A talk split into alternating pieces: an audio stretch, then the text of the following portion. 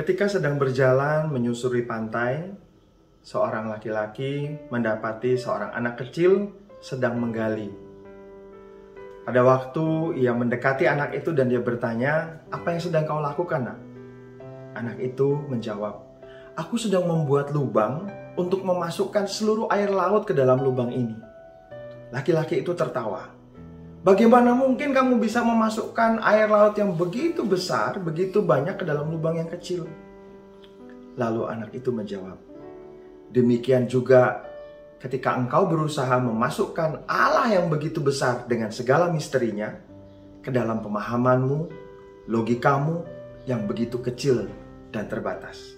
Shalom, Bapak Ibu, saudara-saudari terkasih. Berjumpa kembali dengan saya, Franciscus Francia dari PDKK Santa Maria, Paroki Roh Kudus, Katedral Denpasar dalam program Renungan Harian Geni. Hari ini, Minggu 30 Mei 2021, pada perayaan Hari Raya Tritunggal Maha Kudus, kita akan bersama-sama membaca dan merenungkan firman Tuhan. Bacaan Injil pada hari ini dipetik dari Injil Matius pasal 28 ayat 16 sampai dengan 20. Dan kesebelas murid itu berangkat ke Galilea, ke bukit yang telah ditunjukkan Yesus kepada mereka. Ketika melihat dia, mereka menyembahnya, tetapi beberapa orang ragu-ragu. Yesus mendekati mereka dan berkata, Kepadaku telah diberikan segala kuasa di sorga dan di bumi. Karena itu pergilah Jadikanlah segala bangsa muridku dan baptislah mereka dalam nama Bapa dan Anak dan Roh Kudus dan ajarlah mereka melakukan segala sesuatu yang telah kuperintahkan kepadamu. Dan ketahuilah, aku menyertai kamu senantiasa sampai kepada akhir zaman.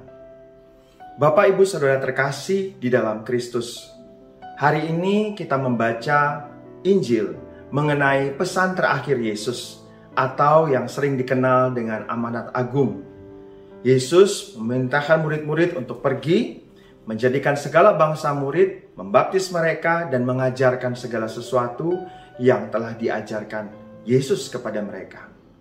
Kita yang telah memberi diri untuk percaya kepada Yesus melalui pemberitaan pewartaan yang kita terima sebelumnya dan kemudian memberi diri untuk dibaptis kita dibaptis dalam nama Bapa dan Putra dan Roh Kudus.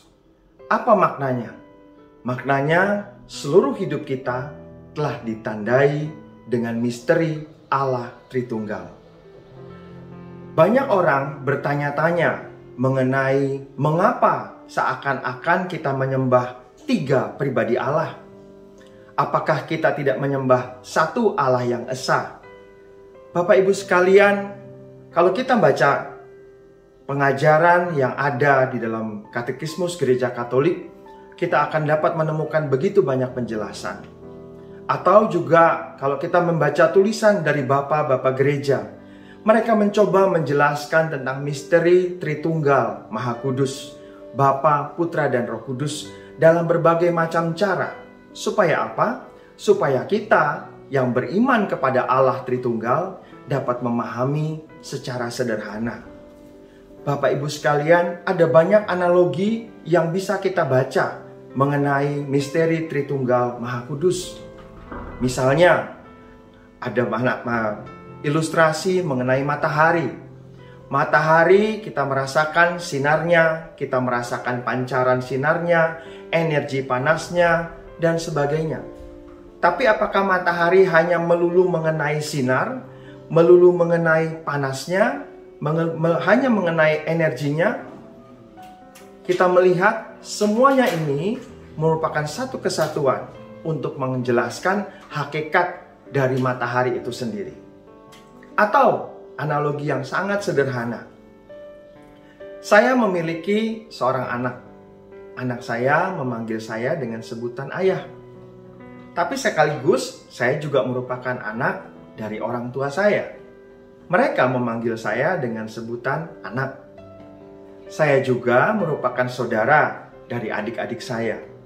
Maka mereka memanggil saya dengan sebutan kakak. Yang menjadi pertanyaan, apakah ayah, anak, dan kakak ini merupakan tiga pribadi yang berbeda? Tidak, karena hakikatnya saya adalah seorang ayah bagi anak saya, seorang anak bagi orang tua saya, dan seorang saudara bagi saudara-saudara saya. Tetapi semuanya itu pada hakikatnya adalah satu. Bapak Ibu, saudara terkasih, memahami misteri Allah Tritunggal bukanlah sesuatu yang mudah untuk kita pahami. Mengapa? Kendati begitu banyak penjelasan mengenai misteri Allah Tritunggal. Namun sesungguhnya tidak dapat pernah bisa menjelaskan tentang misteri yang terkandung di dalam iman kita ini. Ketika Allah sudah bisa dipahami dan dijelaskan, maka ia bukan lagi Allah. Demikian yang ditulis oleh Santo Agustinus. Lantas, bagaimana sikap kita bagaimana kita melihat misteri Allah Tritunggal dalam kehidupan beriman kita sekalian. Ada satu hal yang menarik kalau kita melihat dalam kehidupan beriman bangsa Israel. Di dalam bacaan pertama, kita melihat bagaimana Allah yang begitu besar, begitu agung, begitu mulia, dan mengandung berbagai macam misteri yang tidak bisa kita mengerti dengan logika kita semata, tetapi telah menghadirkan dirinya bagi bangsa Israel. Allah yang begitu besar mau hadir bersama dengan perjalanan iman bangsa Israel dan menghadirkan diri dalam relasi yang sangat intim dan mendalam yaitu sebagai seorang bapak dengan anaknya. Dalam bacaan suci kita melihat bagaimana Allah mengasihi bangsa Israel Bagaimana Allah menghadirkan diri sebagai Bapa yang mengajari anaknya berjalan. Kalau kita melihat bacaan yang lain, kita melihat bagaimana Allah menyebut bangsa Israel itu adalah milik kesayangan Allah. Demikian juga dengan kita sekalian. Kita ini adalah milik kesayangan Allah dan Allah mau menghadirkan dirinya dalam relasi yang sangat mendalam yaitu sebagai Bapa di dalam kehidupan kita. Namun yang menjadi pertanyaan, apakah kita sudah sungguh-sungguh mengalami kasih Bapa di dalam kehidupan kita? Karena kasihnya begitu besar atas kehidupan manusia, atas kehidupan saya dan Anda sekalian. Ketika kita hidup di dalam dosa, terikat di dalam dosa dan berbagai macam keterikatan, Allah mengasihi manusia, Allah mengasihi kita sekalian. Di dalam puncak kasihnya bagi kita sekalian, Allah mengutus Yesus. Yesus adalah perwujudan kasih Allah Bapa bagi kita sekalian. Di dalam kitab Ulangan dikatakan bahwa Allah mendengar umat Israel dalam jeritan mereka ketika mereka berada di Mesir. Pada waktu itu Allah datang membebaskan bangsa Israel. Allah datang menyelamatkan bangsa Israel. Hal ini pula yang kita alami di dalam diri Yesus yang datang ke dunia ini menyelamatkan dosa manusia, termasuk dosa saya, dosa Anda, dosa kita sekalian. Bapak, Ibu, Saudara terkasih dalam Tuhan Yesus Kristus, misteri Allah Tritunggal sekali lagi tidak begitu mudah kita pahami, tetapi yang luar biasa, Allah yang begitu besar, mau datang menyediakan diri, menjalin relasi, mengambil inisiatif di dalam kehidupan kita supaya kita dekat dengan Dia, supaya kita bisa mengalami kehadirannya yang nyata di dalam kehidupan kita. Lalu, apa yang dapat kita lakukan? Sebagai ucapan syukur atas kasih karunia yang dianugerahkan Allah ke dalam kehidupan kita melalui iman percaya kepada pribadi Tritunggal Maha Kudus. Karena Yesus telah datang membebaskan kita dari dosa-dosa, dia naik ke surga dan menganugerahkan roh kudusnya. Maka sebagai salah satu cara untuk membalas pemberian hidup Allah ke dalam hidup kita, kita pun mau memberikan hidup kita kepada Allah untuk dipimpin oleh rohnya. Di dalam surat Rasul Paulus kepada jemaat di Roma dikatakan, semua orang yang dipimpin roh Allah adalah anak Allah. Sebab kamu tidak menerima roh perbudakan yang membuat kamu menjadi takut lagi, tetapi kamu telah menerima roh yang menjadikan kamu anak Allah. Oleh roh itu kita berseru, Ya Aba, Ya Bapa. Bapak, Ibu, Saudara terkasih, gambaran tentang Allah yang mau hadir di dalam kehidupan kita, yang kita baca di dalam kitab perjanjian lama, seperti seorang bapa dengan anaknya pada waktu kehadiran Roh Kudus di dalam kehidupan kita yang kita alami melalui sakramen baptis dan diteguhkan melalui sakramen krisma. Roh Kudus itu menegaskan kembali, memeteraikan kembali hubungan kita dengan Allah sebagai Bapa. Kita ini adalah anak-anak Allah oleh karena iman percaya kita kepada Yesus dan kepada Allah. Maka kita pun boleh memanggil dia dengan sebutan Allah Bapa. Bapak Ibu sekalian, memang misteri Tritunggal Maha Kudus tidak dapat dengan mudah kita pahami dengan logika semata-mata. Tetapi Allah telah memberikan iman ke dalam hidup kita masing-masing, ke dalam hati kita masing-masing. Maka dengan iman itu kita bisa mengalami, bukan hanya mengerti, tetapi mengalami sungguh-sungguh kehadiran Allah di dalam kehidupan kita.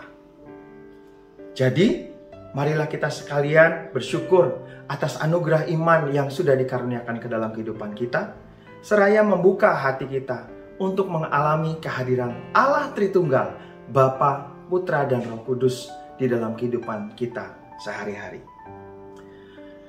Seorang anak menggali lubang untuk memasukkan seluruh air laut ke dalam lubang itu. Bapak Ibu terkasih, bayangkanlah bahwa kita adalah butiran-butiran pasir itu. Kita sesungguhnya sudah diliputi oleh kehadiran, kasih, dan kuasa Allah Tritunggal Maha Kudus. Tapi, apakah kita sudah sungguh-sungguh menyadari hal ini? Apakah kita sudah sungguh-sungguh membiarkan hidup kita dipimpin oleh Roh Allah, sehingga membuat kita dapat mengalami kepenuhan hidup di dalam iman percaya kita kepada Allah Tritunggal Maha Kudus. Mari kita berdoa. Dalam nama Bapa, Putra, dan Roh Kudus. Amin.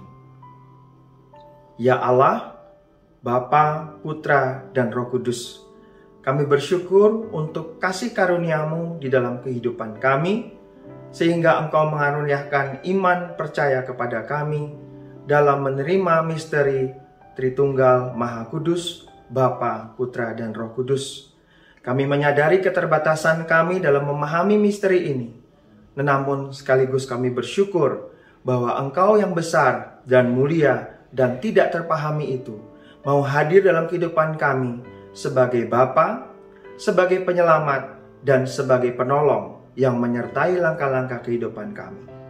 Bantulah kami dengan kekuatan rahmat-Mu untuk senantiasa menyediakan diri, membuka hati untuk mengalami kehadiranmu yang nyata, sehingga dengan demikian kami dapat menjadi saksi kebaikanmu bagi sesama di sekitar kami. Amin. Dalam nama Bapa, Putra, dan Roh Kudus. Amin. Tuhan Yesus memberkati.